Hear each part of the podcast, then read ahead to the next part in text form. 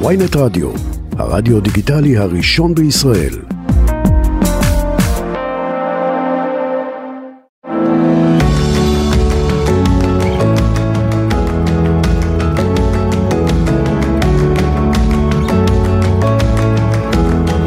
שלום, אהלן, תודה רבה שהצטרפתם אלינו, ברוכים הבאים לאספת הורים, תוכנית ההורות שלנו כאן בוויינט רדיו, אני אגר כוכבי, העורכת היא ליאת מלכה, טכנאי השידור הוא עמית זק. אה, ונושא התוכנית שלנו היום, אל הנושא הזה אני בטוחה שהרבה מאוד הורים אה, התחברו, כי מה לעשות הוא חלק מההורות שלנו. אני מדברת על המפגש הזה בין הציפיות שלנו ההורים לבין הילדים שלנו והאכזבות, אה, לבין בין החלומות שלנו לגביהם לבין המציאות. אני מדברת על הילד האחד הזה שמאתגר אותנו, שמוציא אותנו מהאיזון, הילד או הילדה שממש ממש מורכב לנו איתו. בואו נדבר על ציפיות ועל אכזבות ועל הילד הזה הבלתי, הילד הבלתי במרכאות אה, או שלא במרכאות. אני רוצה להגיד שלום לאורחת שלי היקרה, היא מנתחת התנהגות ופסיכותרפיסטית והיא גם מדריכת הורים. שלום לתמר כהן לביא. שלום אגר. איזה כיף שבאת. איזה כיף לי. ממש, תודה רבה רבה שבאת ועוד לנושא כזה, וואו. וואו, אמרתי לך מקודם שככה אנשים פה במסדרון, את יודעת, מה העניינים, מה קורה, מה את מקליטה היום, ואני לכולם אומרת, אה, כן, תוכנית על הילד הזה שהוא בלתי, ו... מה? רגע לאנשים לוקח זמן ואז אני מתחילה להסביר המפגש הציפיות האכזבות. אה אה אה כן כן. פתאום כאילו את יודעת כולם מכירים את זה ולכולם יש ילדים כאלה יש. ולכולם יש כאלה. אז בואי נדבר בואי ננסה רגע להסביר אוקיי? מה מה זה הילד הבלתי הזה. אני חושבת שכמעט בכל משפחה יש איזשהו ילד שהוא לא תמיד מתיישר לפי הציפיות, הציפיות של ההורים. אנחנו, אה, אני חושבת שכבר בשלב ההיריון, כולנו אה, מדמיינים איך הילד שלנו יהיה, וגם כשהוא גדל, אנחנו מתכננים עבורו תכנונים, וחולמים שהוא יהיה ספורטאי או רקדנית או כל מיני דברים. וברגע שאנחנו מגלים שלילד יש רצון משלו, אישיות משלו, ולפעמים אפילו קווי התנהגות שאנחנו לא כל כך מחבבים, mm-hmm. אז אה, נורא נורא קשה לנו. כן. ואני חושבת שזה אחד האתגרים הכי גדולים שלנו כהורים, לקבל את הילדים שלנו וואו, כמו שהם. זה אתגר מטורף. בואי, גם לקבל את עצמנו ועוד לקבל את הילדים בכלל. בואי נדבר על ציפיות, כי אם אני מבינה נכון, ציפיות הן חלק מהותי מהשיח שלנו היום. אז את אומרת שעוד לפני שהילד נולד, נכון? עוד בשלב התכנון, או אפילו לגמרי. לפני, יש לנו ממש שק שלם של ציפיות ממנו. איך הוא יהיה, איך היא תיראה. נכון? בהחלט, מה הוא יעשה? כולם חולמות שהילדים שלהם יהיו רופאים. אבל פתאום מגלים שהילדה שרצינו שתהיה חכמה בלימודים, פתאום יש לה קשיים בלמידה, או עם איזשהו ילד שאנחנו רוצים שהוא יהיה ספורטאי מצטיין, אנחנו מגלים שהוא לא זז מהספה. כן. וזה פוגש אותנו בתחושה לפעמים אפילו של כישלון, שרצינו שיקרה משהו, אנחנו לפחות מנסים גם לעשות כל מיני צעדים כדי שזה יקרה, רושמים אותם לחוגים, נותנים להם הורים פרטיים, כל מיני דברים. דברים, וזה לא קורה. כן. זה לא מתיישר לנו לפי התסריט. לפי ואז התסריט. קורה שם משהו. והתסריט, את אומרת שהוא שלנו, כאילו הוא יושב על המקומות שלנו, הוא אפילו עדיין לא קשור לילדים. חד משמעית. כן. חד משמעית. אני מבינה. ויש את המציאות ויש את הקושי לקבל את המציאות. נכון. אה, כן, אז יש מציאות, אוקיי, ילד נולד, אני מניחה שבהתחלה אה, בן בת אני לא יודעת אולי זה עוד מתחיל משם תכף אני אשאל אני אקריא שאלה שקיבלנו אה, אבל באמת אה, מתפתחת איזושהי מציאות שלנו קשה לקבל אותה אז אני אשאל אותך למה אנחנו בעצם מצפים מהילדים שלנו.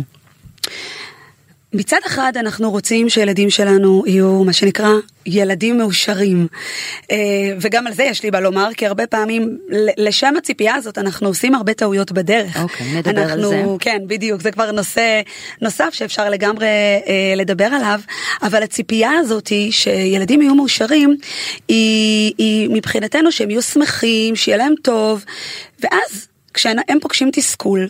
כי אנחנו מציבים איזשהו גבול, כי אנחנו אומרים להם אי אפשר. פתאום בשלב הזה הם מתחילים לבדוק, לבדוק עד כמה הם יכולים, הם יכולים לבכות, הם יכולים אפילו להפגין התפרצות של כעס, ואז זה פוגש אותנו במקום הזה של הנה, לא הצלחנו, הנה, נכשלנו, הילדים שלנו לא שמחים, הילדים שלנו לא מאושרים, הילדים שלנו מתנהגים ככה, כן. אה, והרבה פעמים זה אגב גם ילד אחד, יכול להיות מספר ילדים, וילד אחד שהוא לא כמו כולם, mm-hmm. הוא לא מתיישר, בכוונה אני אומרת לא מתיישר לפי התסריט, כי הוא בולט לנו ב- בהתנגדות שלו, ואני גם חושבת שככל שאנחנו מתקשים לקבל אותו כמו שהוא, כך ההתנגדות שלו תהיה הרבה יותר עוצמתית. כן. הקבלה של הילד היא עניין קצת חמקמק, אני חושבת, כי אני חושבת על ילדים בגילאים אה, ככה צעירים, את יודעת שהם עדיין מתעצבים, וכן יש לנו את היכולת לשנות, לעצב, לחנך, ואז מגיעה הקבלה של כאילו זה מישהו וזה משהו. אז איפה כאילו נגמר הרצון בלשנות, לעצב, את יודעת, לבין הקבלה? אני חושבת שיש לנו פער בין החלק הקוגנטיבי שלנו לחלק ההתנהגותי בפועל. Mm-hmm. זאת אומרת, הורה יכול להיות במצב של קבלה. למשל, ניקח דוגמה לילד מאתגר, שאולי אפילו יש לו הפרעת קשב. זאת אומרת, יש לו במרכאות אישור מהרופא.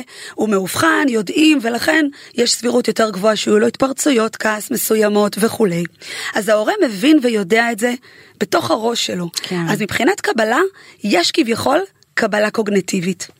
אבל בזמן ההתרחשות היומיומית, ואנחנו יודעים שמדובר בעומס, עומס שלנו ההורים עם המון דברים, אם זה לתחזק בית, אם זה לעבוד, אם זה לתת מענה לכל אחד מהילדים, ואז בפועל מתרחשת התנהגות שלא מתאימה לנו עכשיו, כן. ואז למרות הקבלה הקוגנטיבית שאנחנו יודעים ומבינים אותה, ההתנהגות שיוצאת לנו באופן אוטומטי לחלוטין, ללא מחשבה, ללא שום דבר, זאת התנהגות שמוציאה מאיתנו לפעמים גם את הצדדים הפחות מחמיאים שלנו כן, בתור הורים. בטח, אני מניחה שזה חלק מהעניין, לא שזה יושב אצלנו על מקומות שהם די בעייתיים. בהחלט. איך מקבלים התנהגויות לא, איך אני אגדיר אותן, לא מיושרות. אני הולכת עם הדוגמה שלך, זאת אומרת, איך אני יודעת מה לקבל ומה לשנות? את מבינה מה אני שואלת? אני חושבת ש... בגדול, כל זוג הורים צריך לשבת ולחשוב מה הוא רוצה שיהיה בתוך הבית שלו, מבחינת כללים, חוקים, אלה דברים שאני חושבת שלגמרי לגיטימיים שאנחנו ההורים נכתיב מה מותר ומה אסור בבית, מבחינת התנהגויות. כל משפחה לדעתי תסכים שקללות ואלימות הם קו אדום והם מחוץ לגבול. אבל אה, העניין הוא זה שבעצם כאשר ילד אה, רוצה לומר לנו שהוא, אפילו בן שרוצה לרקוד. אוקיי? ופתאום הוא רואה שהוא לא מאמין שהבן שלו ירצה לרקוד. כן. זה פוגש אותו במקום של מה יגידו, איך אני אחיה עם זה, זאת, אה, אה, אה, זאת קבלה שהיא מאוד מאוד קשה להרבה הורים. כן. כמובן שיש עוד הרבה נושאים שאפשר למנות, אה, וזה יכול להיות באמת מבחינת העדפות, העדפות מיניות, העדפות אה, של תחביבים, כן. אה, וגם קווי התנהגות. אז אה, הגבול הזה הוא כמובן מאוד מאוד דק, אבל אני חושבת שאנחנו הרבה פעמים צריכים למצוא את עצמנו במהלך היום ולנסות לעשות איזשהו זום אאוט, זום אאוט קצת על, ה, על החיים שלנו, על הילדים שלנו, כדי לנסות לבחון. מכיוון שאמרתי שהאוטומטים שלנו כל הזמן מנהלים אותנו, כן. ולמרות הקבלה, קשה לנו בפועל להפגין את זה ברמה ההתנהגותית. ולכן, אני חושבת שהיכולת שה, לפעמים לעצור, לעשות איזושהי ראייה רפלקטיבית, מה שנקרא זום אאוט כזה כן, על מה שקורה, כן. מאוד יכול לעזור לנו להבין, רגע, זה הילד. אז יש לי ממש שאלה שאני חושבת שזה עיתוי טוב להקריא. קיבלנו המון שאלות לקראת התוכנית ואני מקריאה. אה, היי, אני אימא לנערה בת 12, היא מתחילה להתבגר, בעצם זה מרגיש שהיא בעיצומו של גיל ההתבגרות. השנה גילינו שהיא מתמודדת עם לקויי למידה והפרעת קשב וריכוז, אחרי תקופה ארוכה של כישלונות בבית הספר. בן הזוג שלי כל כך כועס ומאוכזב, הוא בא ממשפחה של מצטיינים. אני לא יודעת איך להסביר לו שאנחנו צריכים לאהוב את הילדה כמו שהיא, בלי תנאים וגם להתנהג ככה, זה משפיע על כל הבית וגם על הזוגיות. אז אני חושבת שזו שאלה שככה די מעולה. מתייחסת כאילו למה שאת, מה שאת אמרת מתייחס אליה. אה, כן. זו באמת דוגמה נפלאה, כי אנחנו רואים פה את האבא, שמבחינת הציפיות שלו, הוא רוצה ילדה שתהיה תלמידה מצטיינת, שתשב ותלמד ותשקיע, וכנראה שלילדה יש קושי, ואולי אה, בגלל הקושי היא גם נמנעת מלמידה מסוימת.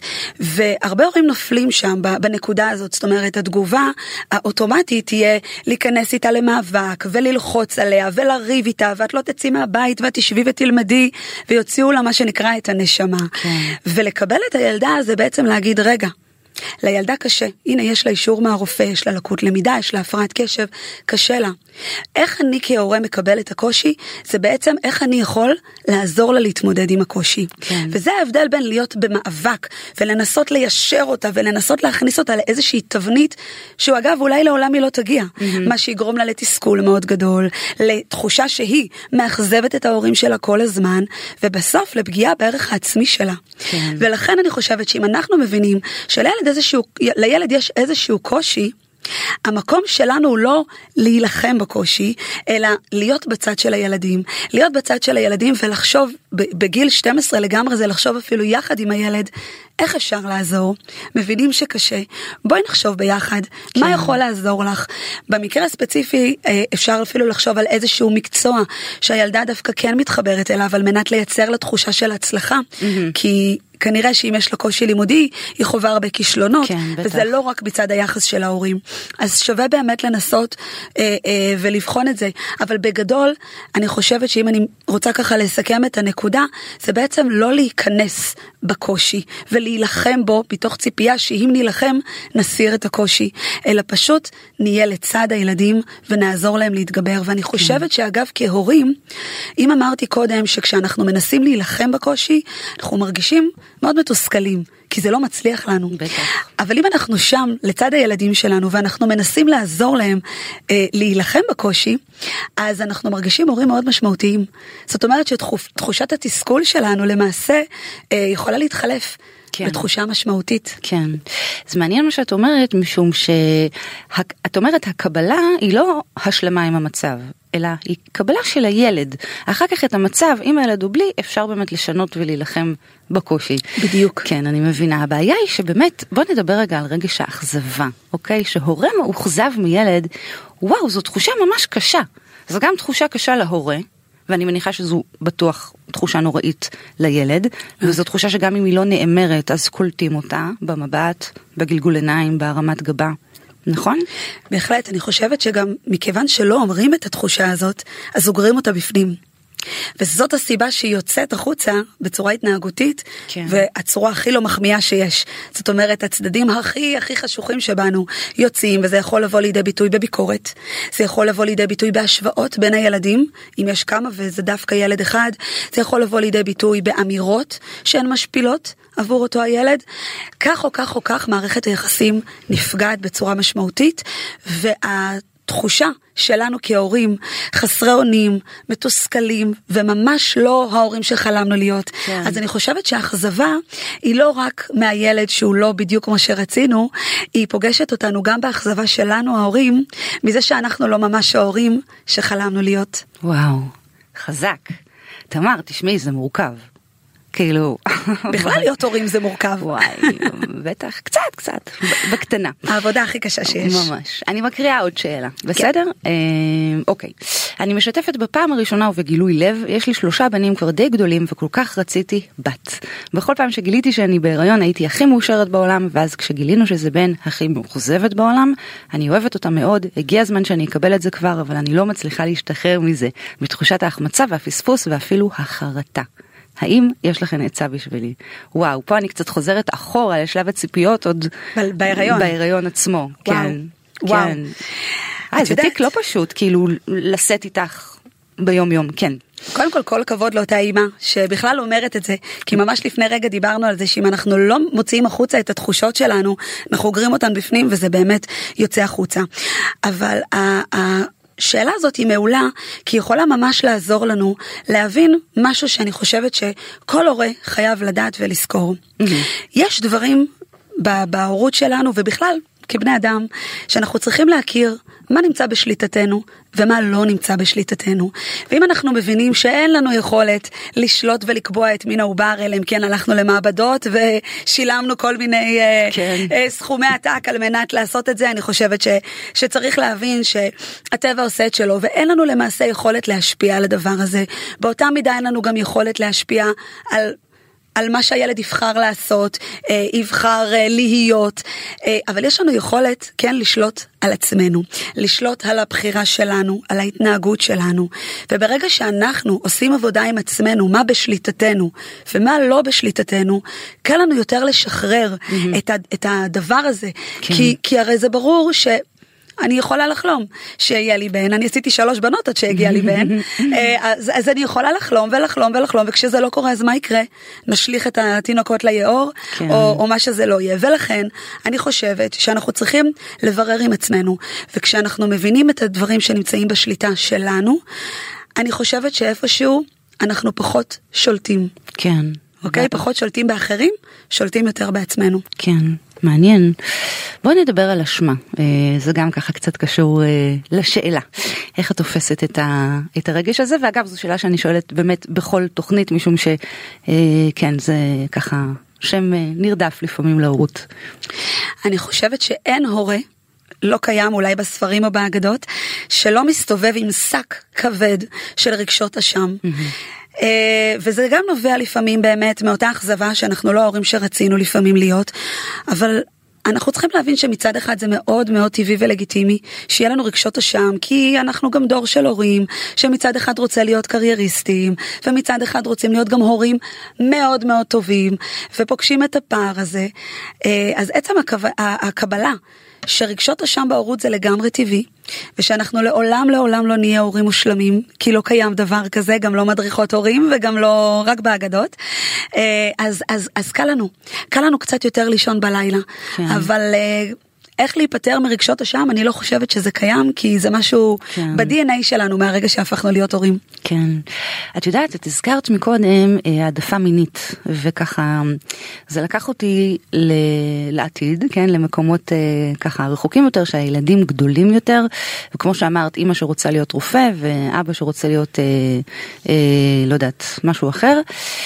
איך, איך את חושבת שהורים מתמודדים עם המציאות הזו שטופחת להם על הפנים, ואיך הם צריכים להתמודד איתה? ברגע שהמציאות טופחת על הפנים, וזה לא משנה באיזה הקשר, אז יש איזשהו יש כמה שלבים שהורים צריכים לעבור, ולפעמים יש כאלה שאפילו מקבילים את זה במקרים מסוימים, אפילו לשלבים של אבל, אפילו כשמדובר באמת בהעדפה מינית שהיא שונה. אז יש הורים שעוברים ממש תהליכים של אבל, עד שמגיעים באמת לשלב של הקבלה. יש שם שלב של כעס, שלב של עצב, אבל בסוף, אם אנחנו נותנים לתהליך הזה לעבור בצורה טבעית ולא נלחמים בו, אז מגיעים לשלב הזה של הקבלה, כי הורה שלא מקבל את הילד שלו, הוא בסוף גורם לנזק מאוד משמעותי כן. במערכת היחסים וגם בילד עצמו. בטח. בילד עצמו שהוא משלם מחיר מאוד מאוד גדול. בטח, אני מניחה שהתגובות האלה יוצאות, מה, איך הן יוצאות? תגובות בעייתיות, ביקורת? אז אמרנו ביקורת, השוואות, אפילו אמירות של אכזבה, אה, אמירות משפילות. תני לי דוגמה לאמירות כאלה, אמירות של אכזבה או... תני לי דוגמה. אמירות של אכזבה יכולות להיות אה, אה, מ- מילד שנמאס לי ממך. Mm. ילד ששומע פעם אחת את המילה נמאס לי ממך. Mm. אז אפשר להגיד, הוא יכול לחיות עם זה איכשהו בשלום, אבל כשהורה כבר פעם אחת אומר את זה, אז אני חושבת שמשתחרר בו משהו, ופתאום בכל פעם שהוא יאבד סבלנות, יצא לו הנמאס לי ממך. כן. וכשילד גדל בתחושה של ההורים שלו, לאחד מההורים שלו נמאס ממנו, זו תחושה מאוד קשה להתהלך בה בעולם. בטח. כי אם להורים שלי נמאס ממני, אז אז למה שלחברים שלי לא יימאס ממני? שובר לגמרי. וזאת אמירה שהיא מאוד מאוד מקטינה כן. ומורידה את הערך. איזה עוד דוגמאות, איזה עוד משפטים ככה את יכולה לחשוב? אה, משפטים מעוררי מחלוקת. אה, אז באמת יש לנו כל מיני משפטים, גם אה, משפטים של השוואה. כן, למה אתה לא כמו זה וזה? בעיקר כמו אחיך. כמו כן. אחותך, ואז זה מאוד קשה. מה זה קשה? בואי נדבר באמת על השוואות, כן? כי אנחנו, את יודעת, רצינו, כמו שאמרת בהתחלה, רצינו ילד ספורטאי, יצא לנו ילד שלא יודעת, לא קם מהספה, רצינו ילדה מצטיינת, יצא לנו אה, ילדה עם לקויות למידה. אמ, איך אנחנו כאילו, ואיכשהו תמיד נדמה שאת יודעת, הילדים של השכנים, אז הם תמיד בדיוק מה שרצינו, והיא, והם הספורטאים, והם כאילו מה שתכננו. הילדים של השכנים ירוקים יותר. בהחלט, ותמיד אנחנו מסתובבים עם איזושהי תחושה שאנחנו נדפקנו. אנחנו כן. קיבלנו את הילדים הלא מרוצים, את הילדים העצבניים, את הילדים עם הלקות למידה, והילדים של האחרים הם באמת ילדים מושלמים. אה, אני חושבת שהעולם שאנחנו חיים בו היום, עולם הדיגיטל, האינסטגרם והפייסבוק, שכולם מעלים תמונות, בעיקר בסופי שבוע, מטיולים, וכולם מחויכים ושמחים, מעטים יבואו ויאמרו שמאחורי התמונה הזאת אה, אה, היו הרבה מריבות וצרחות, וכנראה כן. שעצרו את הנסיעה בדרך, ומכיוון שהכל נראה נורא מושלם ושמח, אה, אז, אז זה מאוד מגביר את תחושת התסכול של... הנה, אנחנו נדפקנו כן. עם, ה, עם החבילה הזאת של הילדים. עם הילד הזה שמשתטח על הרצפה בקניון ו... ולא מוכן, אה, כן. ולא מוכן לקבל אה, שלא קונים לו עכשיו סוכריה. בדיוק. אז דיברנו על התגובות שלנו, נכון? לפעמים אנחנו ממש נעלבים מזה, אנחנו נעלבים מהילדים, נפגעים מהסיטואציה ומהם. אה, מישהו פעם אמר לי שהורה לא צריך להיעלב, הוא צריך לקחת את הרגש הזה ולהוציא אותו מהמנעד. את חושבת ככה גם? אה, אני חושבת ששוב ברמה החשיבתית זה כמובן נהדר אבל אנחנו מתנהלים בסוף מתוך אוטומטים. וכשילד לא מקשיב לנו כשילד אה, לפעמים אפשר לומר אפילו לא שם עלינו אנחנו מבקשים ומבקשים והוא מתעלם אני אומרת שיש ילדים שהם מתחרשים ברגעים או בשעות מאוד מסוימות במהלך היום פשוט יש להם ירידה בשמיעה. כן. אה, וזה מאוד מתסכל אותנו והכבוד שלנו נפגע הכבוד שלנו גם כהורים ואפילו הכבוד הילדי שלנו פתאום זה, זה פוגש צד מאוד לא בוגר אצלנו, כן. אוקיי? אבל, אבל זה פשוט קורה. וכשזה קורה, אז יש איזשהו טריגר שנלחץ אצלנו, הכפתור הזה שמניע אותנו ישר לפעולה. כן. אה, אוקיי, הנקודות הרגישות שלנו. את מדברת, נכון? הנקודות הרגישות הנקודות שלנו, הרגישות אבל הן. יוצאות החוצה. ושוב, זה יוצא החוצה באותן אמירות שהן מאוד הרסניות. כן, אני ממש יכולה להבין. את אמרת את זה ואני ככה התכווצתי בכיסא למרות שאני כבר גדולה. אה, אני מניחה שיש השפעות גם על האחים, על הבית, על הזוגיות, זאת אומרת... יש לנו ילד שקראנו לו הילד הבלתי, נכון? כל אחד ישלים איך שהוא רוצה, בלתי נסבל, בלתי אפשרי. אה, מה ההשפעות על האחים? כשיש באמת ילד שהוא uh, מאתגר בתוך המשפחה, uh, כל המשפחה משלמת מחיר. Uh, מכיוון שאם יש צעקות בבית, אז האווירה בתוך הבית היא תהיה אווירה לא נעימה. אז גם ילדים שמתנהגים יותר בסדר, uh, ורגועים ושקטים ומשתפי פעולה, חווים ברקע רעשים לא נעימים. Uh, ואם יש אח שכל הזמן uh, זורק חפצים, לפעמים הם נפגעים אפילו פיזית מאותה זריקה של חפצים. Uh, ולפעמים זה יכול להיות בביטול תוכניות. אם צריך לצאת פתאום ביום שבת לאיזשהו טיול והילד הבלתי אה, לקח להורים כבר את כל טיפת האנרגיה שנותרה והם מחליטים להעניש אותו ולהישאר בבית. כן. ואז האחים משלמים מחיר. אז יכולים לשלם מחיר אפילו בלא לא, לא, אה, להיות בפעילות מסוימת. כן, אה, והדבר הזה אני מניחה יכול לעורר כעס אה, ותסכול, נכון? האחים מאשימים את הילד, בגללך לא יצאנו, בגללך חזרנו, בגללך לא נשארנו. מה התפקיד ההורי באותו רגע לדעתך? אני חושבת שכמשפחה לפעמים יש מקום ש... שכל המשפחה תשלם מחיר כי אנחנו משפחה ואני תמיד אומרת גם לילדים שלי כולם בשביל אחד ואחד בשביל כולם וזו לא, לא רק סיסמה. אז כמובן שאם מדובר באירוע חד פעמי לפעמים זה, זה טוב אפילו למען יראו וייראו כי גם הילד שלכאורה הוא הילד הטוב במרכאות אז מחר הוא יכול אה, לחטוף את הג'ננה ולהתנהג כמו שאח שלו עשה, אז יכול להיות שזה יכול מאוד לסייע.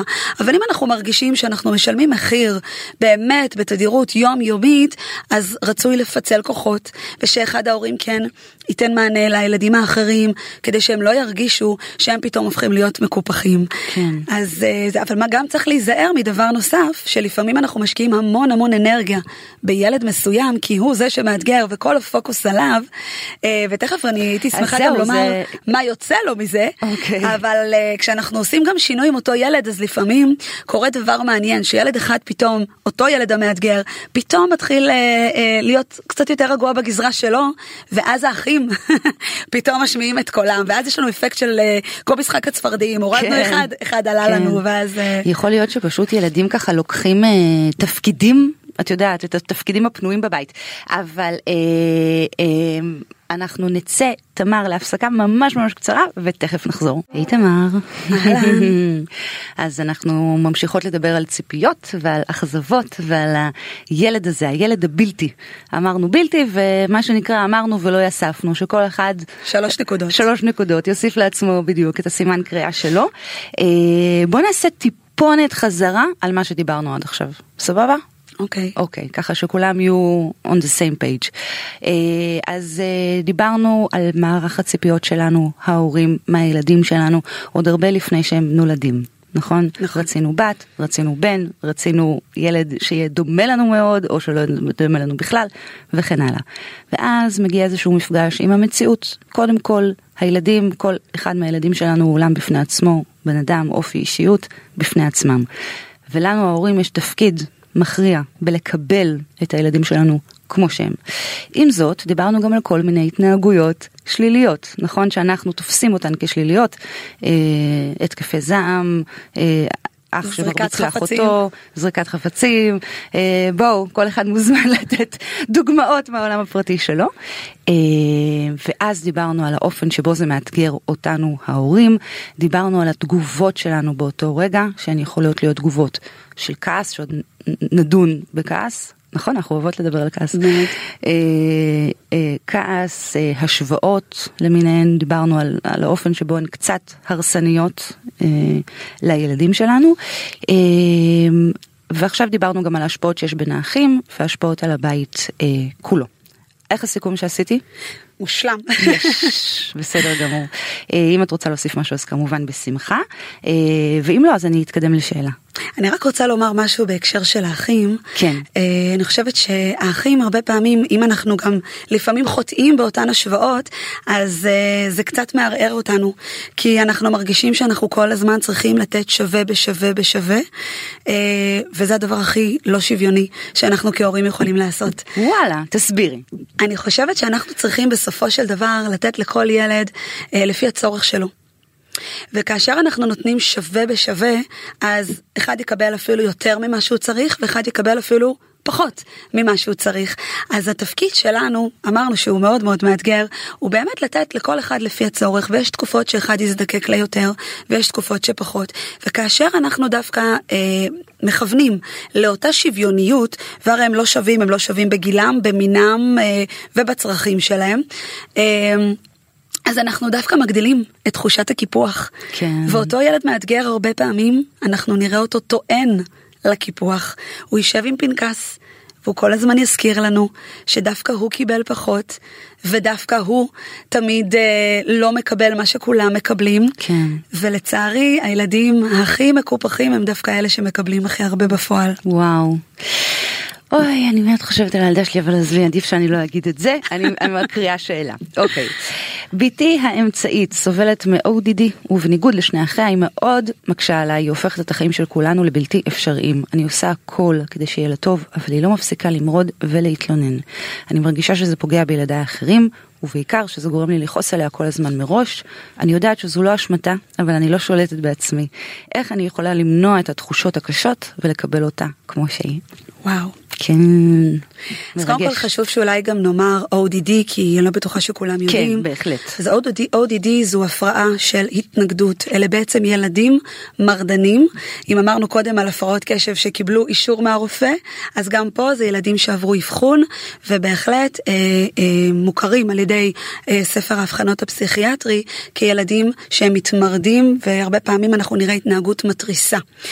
אה, לגדל ילד אה, עם ODD זה בהחלט מאתגר. פי שניים או שלושה מכל אתגר אחר, וואו. מכיוון שזה באמת מאוד מתסכל לראות שכל הזמן הילד הוא דובי לא לא, ולא משנה כביכול מה עושים, אנחנו כל הזמן פוגשים התנגדות. ואני רוצה לומר לאותה אימא שני דברים.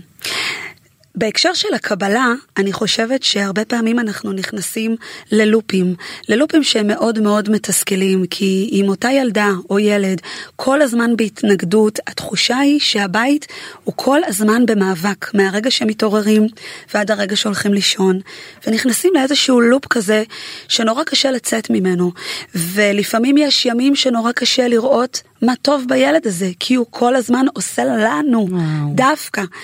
אז העצה שלי mm. היא לשנות את זה.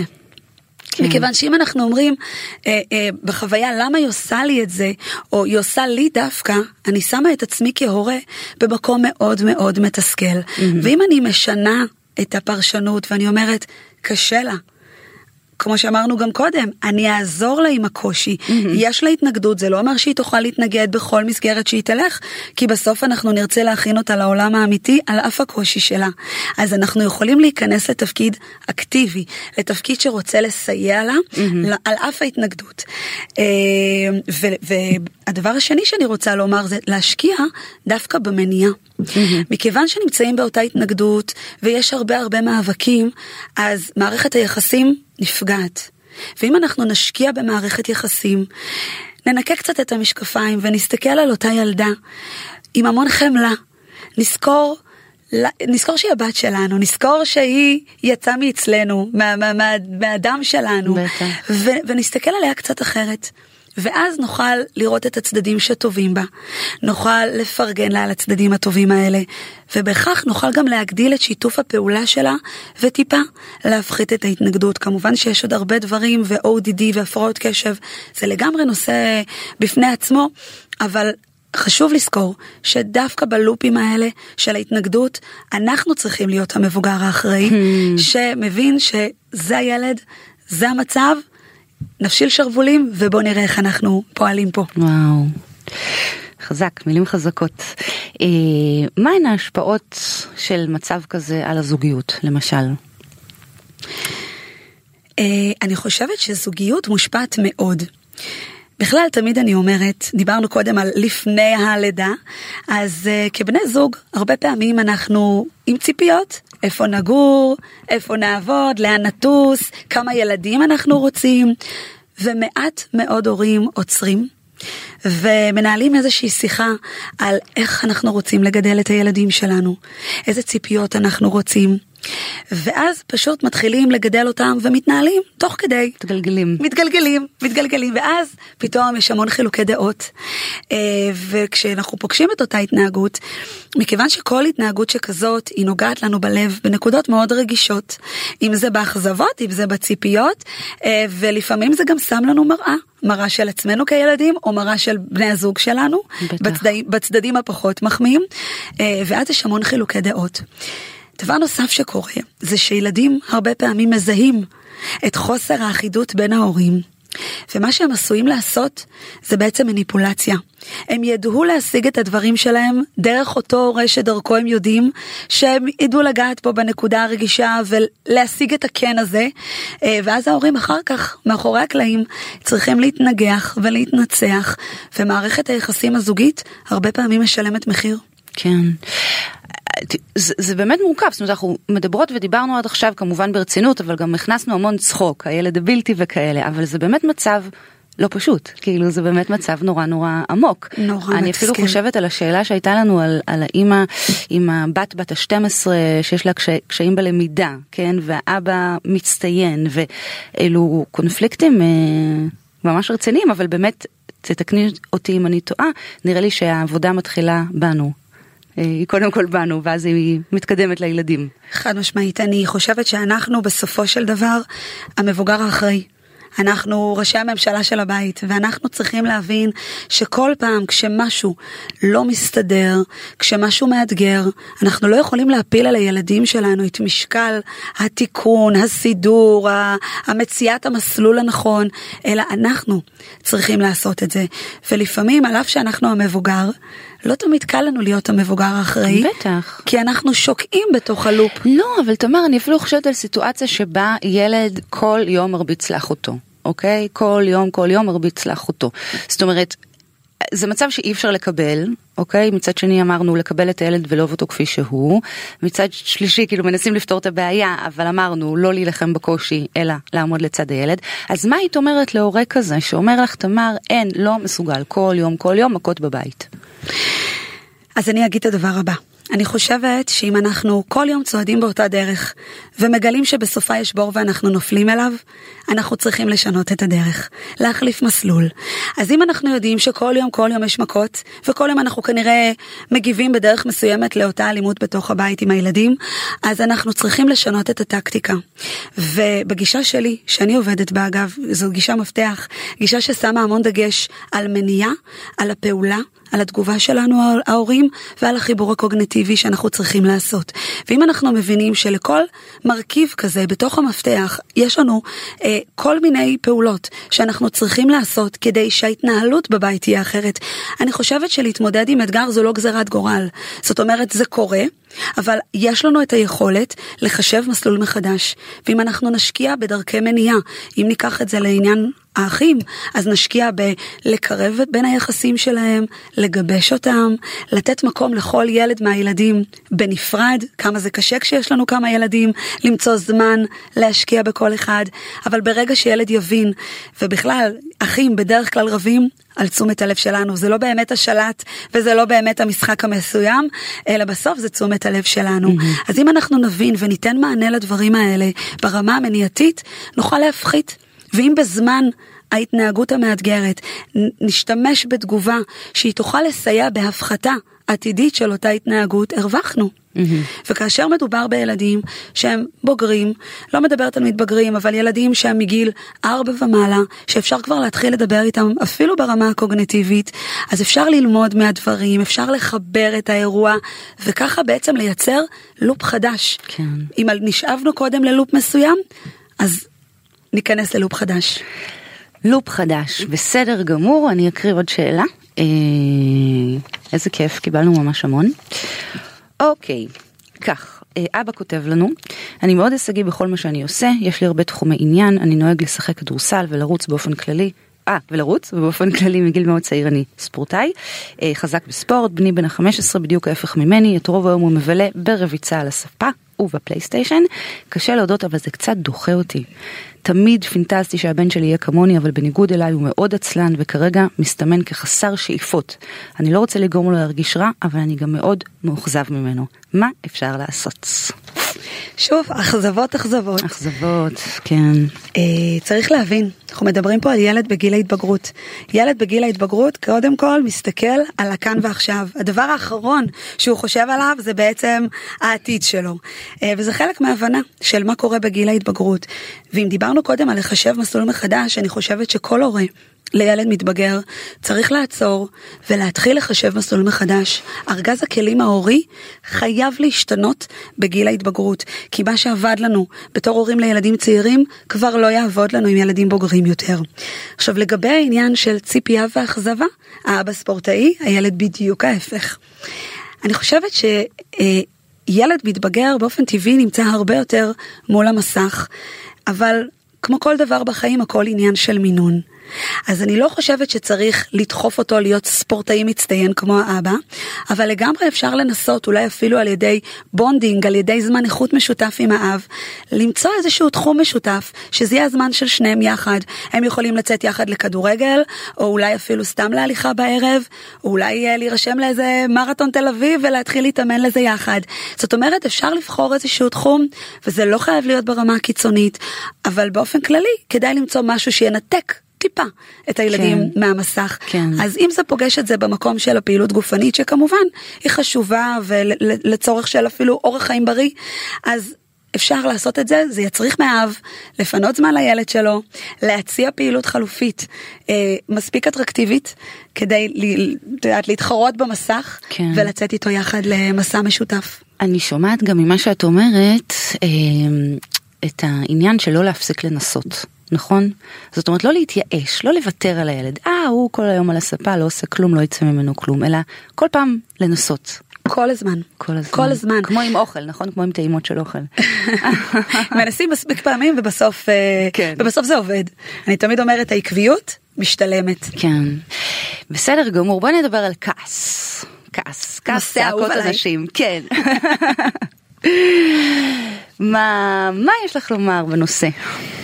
מה יש לי לומר בנושא? כעס שלנו ההורים, כעס של הילדים. אה, כן, בואי נתחיל מהכעס שלנו ההורים. כאשר באמת אה, אותו ילד שמאתגר אותנו, אה, מכניס אותנו, שואב אותנו בעצם לאותו לופ, לאותו שרשרת של אה, תגובות, שאנחנו מוצאים את עצמנו יום אחרי יום, נשאבים לתוך אותם מאבקים. זה מעורר בנו כעס, גם כעס על עצמנו, איך אנחנו לא מצליחים לחנך את הילד הזה או את הילדה הזאת, אה, וגם כעס על הילד שהוא לא נשמע לנו, שהוא עושה מה שהוא רוצה, והרבה פעמים הכעס הזה יוצא החוצה אה, בצעקות.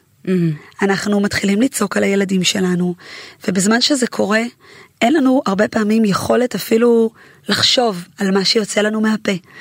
ובשלב הזה אנחנו פשוט מסננים כל מה שבעצם יושב לנו שם אה, במקומות החשוכים של המוח, ושוכחים כן. שאת כל הדברים הקשים האלה אנחנו אומרים לילד שלנו. Mm, כן. והכעס של הילדים, איך אנחנו יכולים להתמודד איתו? את יודעת, בדרך כלל ילדים כועסים, אנחנו אה, אולי קצת מנסים להכיל, להבין, ואז זה בסוף איכשהו מתגלגל גם לכעס שלנו, נכון? על הכעס שלהם. כי זה לופ. זה לופ, זה בדיוק. לופ שכזה, כן. ואני חושבת שבהקשר הזה, אה, קודם כל הדוגמה אישית. חובת ההוכחה עלינו, אנחנו לא יכולים לצפות מילד שלנו, אם יש לנו ילד כעסן שכל הזמן מתמרד וכל הזמן צועק ואולי אפילו זורק כריות ומטיח, אה, לא יודעת, אה, טורק דלתות. כן. אז אנחנו לא יכולים לצפות ממנו לעדן את התגובה שלו אה, כל עוד אנחנו לא נוכיח בעצמנו שכשאנחנו אה, אה, כועסים, כשמשהו מתסכל אותנו, כשמשהו לא מסתדר לנו, איך אנחנו מגיבים. כי הם מסתכלים כן. עלינו ולומדים מאיתנו. כן. אחרי שאנחנו מצליחים לעשות שינוי בנו, אנחנו יכולים שוב להיכנס לתפקיד של ההורים המשמעותיים ולסייע לילדים שלנו, לסייע להם למצוא דרכים שיכולות לעזור להם להירגע בזמן כעס. Mm-hmm. ויש פה באמת ארגז גדול שאנחנו כהורים יכולים להציע להם. ואז שוב לשים את עצמנו בעמדה שלידם. אנחנו מבינים שאתה כועס, כעס הוא רגש לגיטימי ביותר, ואנחנו צריכים להוציא אותו גם החוצה, לא לאגור אותו בפנים. כן. כי כאשר אנחנו נמצאים בזמן כעס, המוח שלנו מפריש הורמונים שהם ממש רעלנים לגוף שלנו. Mm-hmm. אז uh, פעם שמעתי משפט uh, מדהים שאומר שכל עוד אנחנו אוגרים את הכעס בתוכנו, אז אנחנו ממש מביאים על עצמנו אפילו מחלות, mm-hmm. כמו אולקוס לצורך העניין. כן. ואם אנחנו מוציאים את זה בצורה לא פרופורציונלית, אנחנו מביאים את המחלות לסביבה. אז כן. סביבה פתאום כבר עם כאבי ראש אה, רציניים. אז החוכמה היא להבין שכעס הוא לגיטימי, גם להורים, גם לילדים, לא להילחם בו, כן לדעת להוציא אותו, אבל לדעת, לדעת להוציא אותו בדרך שהיא נכונה. Hmm, זה כמו הנושא עצמו, ציפיות ואכזבות, את יודעת, אני חושבת שלא אמרנו משהו באמת חשוב, לא אמרנו להורים, זה בסדר, זה בסדר שיש ציפיות, זה בסדר להתאכזב, זה טבעי, נכון? זה גם בסדר לכעוס, כן. ולפעמים זה גם בסדר להרים את הכל. כן. אנחנו לא צריכים כל הזמן להרגיש רע. כי כמו שאמרנו, השק של רגשות האשם הוא גם ככה כבד, כן. והוא גם ככה על הגב שלנו כל הזמן. בואי נדבר באמת על צעקות, הזכרת כמה הרמת uh, קול. Uh, מה דעתך על הנושא באופן כללי? זאת אומרת, צעקות אמרנו דבר טבעי, מצד שני דיברנו גם על בית שבו אה, יכולה להיות אווירה מאוד מאוד לא, לא נעימה, כן, עם חיים כזה בבית של צעקות, אז איפה, איפה הבלנס? אני חושבת שבכלל כל הנושא של צעקות הוא סוג של לופ. כי אם אנחנו נסתכל על אה, משפחה טיפוסית, הורה יכול לבקש מהילד שלו 20-30 פעם לבצע פעולה מסוימת, בשנייה שצורכים, פתאום הילד עושה. ואז יש לנו איזשהו אפקט שוואלה זה עובד. זה עובד ואני אני בגישה שאומרת שאם אנחנו עושים פעולה והיא עובדת לנו אנחנו מחוזקים ממנה ונמשיך לעשות אותה שוב ושוב. אז מצד אחד לכאורה זה עובד, מצד שני אנחנו משלמים מחיר מאוד גדול. האם ככה אנחנו רוצים לגדל את הילדים שלנו? אנחנו רוצים שהם יעשו דברים כי אנחנו לא מכבדים אותם? ברור שלא. אז מצד אחד זה עובד, מצד שני אנחנו צריכים לעשות פעולות כדי להימנע mm-hmm. מאותן צעקות. כן. צריך גם להבין שלפעמים ילדים לא באמת שומעים אותנו. קודם אמרתי שהם מתחרשים סלקטיבית, אבל לפעמים הם באמת לא שומעים. הרבה פעמים אנחנו צועקים להם מהצד השני של הבית, והם שקועים, או לפעמים אפילו עם אוזניות, ולכן מאוד מאוד חשוב שאנחנו נהיה קרובים אליהם. ואז גם האווירה תהיה הרבה יותר נעימה, הטונים יהיו הרבה יותר רגועים, כי, כי אנחנו שם ויש לנו קשר עין. אמ, ו, ובאמת להבין ש... אם אנחנו רוצים לצעוק פחות, אנחנו צריכים להיות מודעים. מודעים לאיפה המקומות שבהם אנחנו מתפרקים, כן. והאם זה באמת בגלל הילד וההתנהגות שלו, או שאולי דווקא בגלל דברים שעברו עלינו במהלך היום. Mm-hmm. אני הרבה פעמים מציעה להורים אחרי יום עבודה עמוס, שנייה לפני שנכנסים הביתה, שנייה לפני שאוספים את הילד מהגן.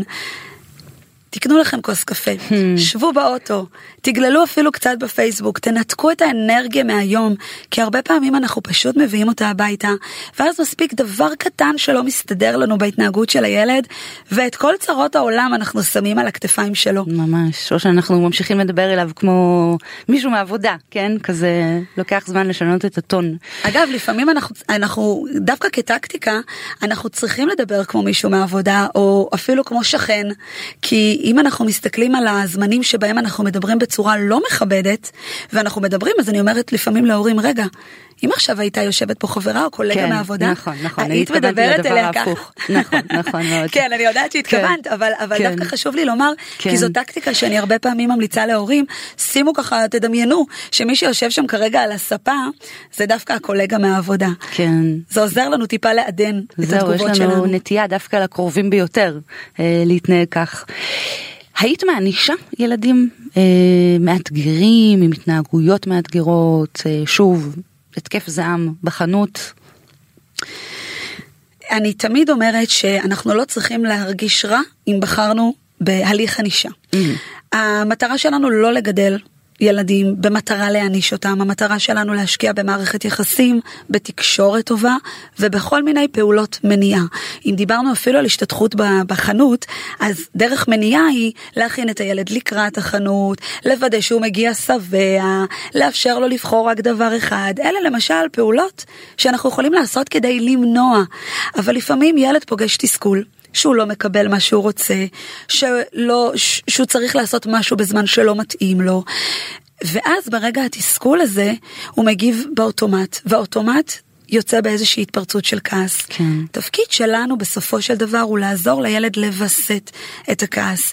שוב, למצוא דרך להוציא אותו בדרך נכונה. ולפעמים עונש הוא סוג של גבול, הוא סוג של תמרור שבא ואומר, עד כאן.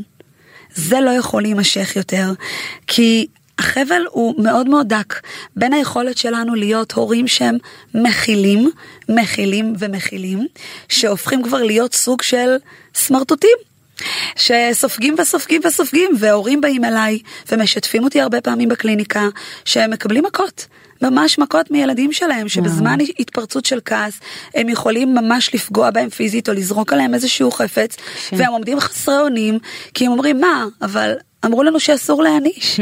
אז, אז לא, זה בסדר, התפקיד שלנו לסמן. כמובן שאנחנו תמיד נבחר בהליכים שיהיו כמה שיותר אה, קלים, אבל יעילים. וכמובן במדרג, באיזשהו מדרג בהתאם לאותה התנהגות ולחומרת המצב. אבל לא ייתכן שילד יקלל, ילד ירביץ, כן. ילד אה, יזרוק חפצים בבית ואנחנו נעמוד מהצד ופשוט נכיל את הסיטואציה. הכלה, הכלה, הכלה. טוב, אה, זה באמת מרתק, והזמן עובר לנו, בורח לנו ממש אה, ככה בין האצבעות. אה, אם תרצה לומר עוד משהו, אז כמובן בשמחה, ואם לא, אנחנו נעבור לפינה. מהמם. נעבור. מאלף ועד תף, לקסיקון האורות הגדול. האם את מוכנה? אה, סתם, לא, לא באמת צריך להתכונן. אוקיי, אה, אני אספור אה, בלב את האותיות, ממש כמו בארץ עיר, אוקיי? א', ב', ג'. תעצרי אותי, תגידי stop ונמשיך משם. לא שמעתי שלחשת לי טעות. לא, לא, חס וחלילה, אני מתחילה מחדש. שלוש ארבע ו... א', stop. י'. תמר יקרה, איזו מילה עולה לך בראש באות י'? יוהרה. יוהרה, וואו. מילה חזקה ממש. ספרי, מה, מה זו יוהרה בשבילך? יוהרה בשבילי זו תכונה לא מחמיאה במיוחד. אני חושבת שיש הרבה אנשים שחוטאים בחטא היוהרה אה, וחושבים שהם יודעים הכל. גם בהורות, הרבה פעמים נדמה לנו שאנחנו קראנו את כל הספרים והיינו בכל ההרצאות ולמדנו את כל ההדרכות ופתאום המציאות פוגשת אותנו בפנים. בטח. ואותה כן. יוהרה מתנפצת לה. ממש. לי עלתה בראש המילה ילדות. אולי מהמקום שכדאי לנו לזכור שאנחנו אחראים לילדות של מישהו, לסיפור חיים של מישהו, וזו אחריות, וואו, כל כך גדולה. בהחלט. אז כאילו חבל להעביר אותה בצעקות. אה, תמר כהן לביא, תמר יקרה, אני רוצה ממש ממש להודות לך שבאת וחלקת איתנו את המידע המעניין הזה. תודה אה, שהזמנתם אותי.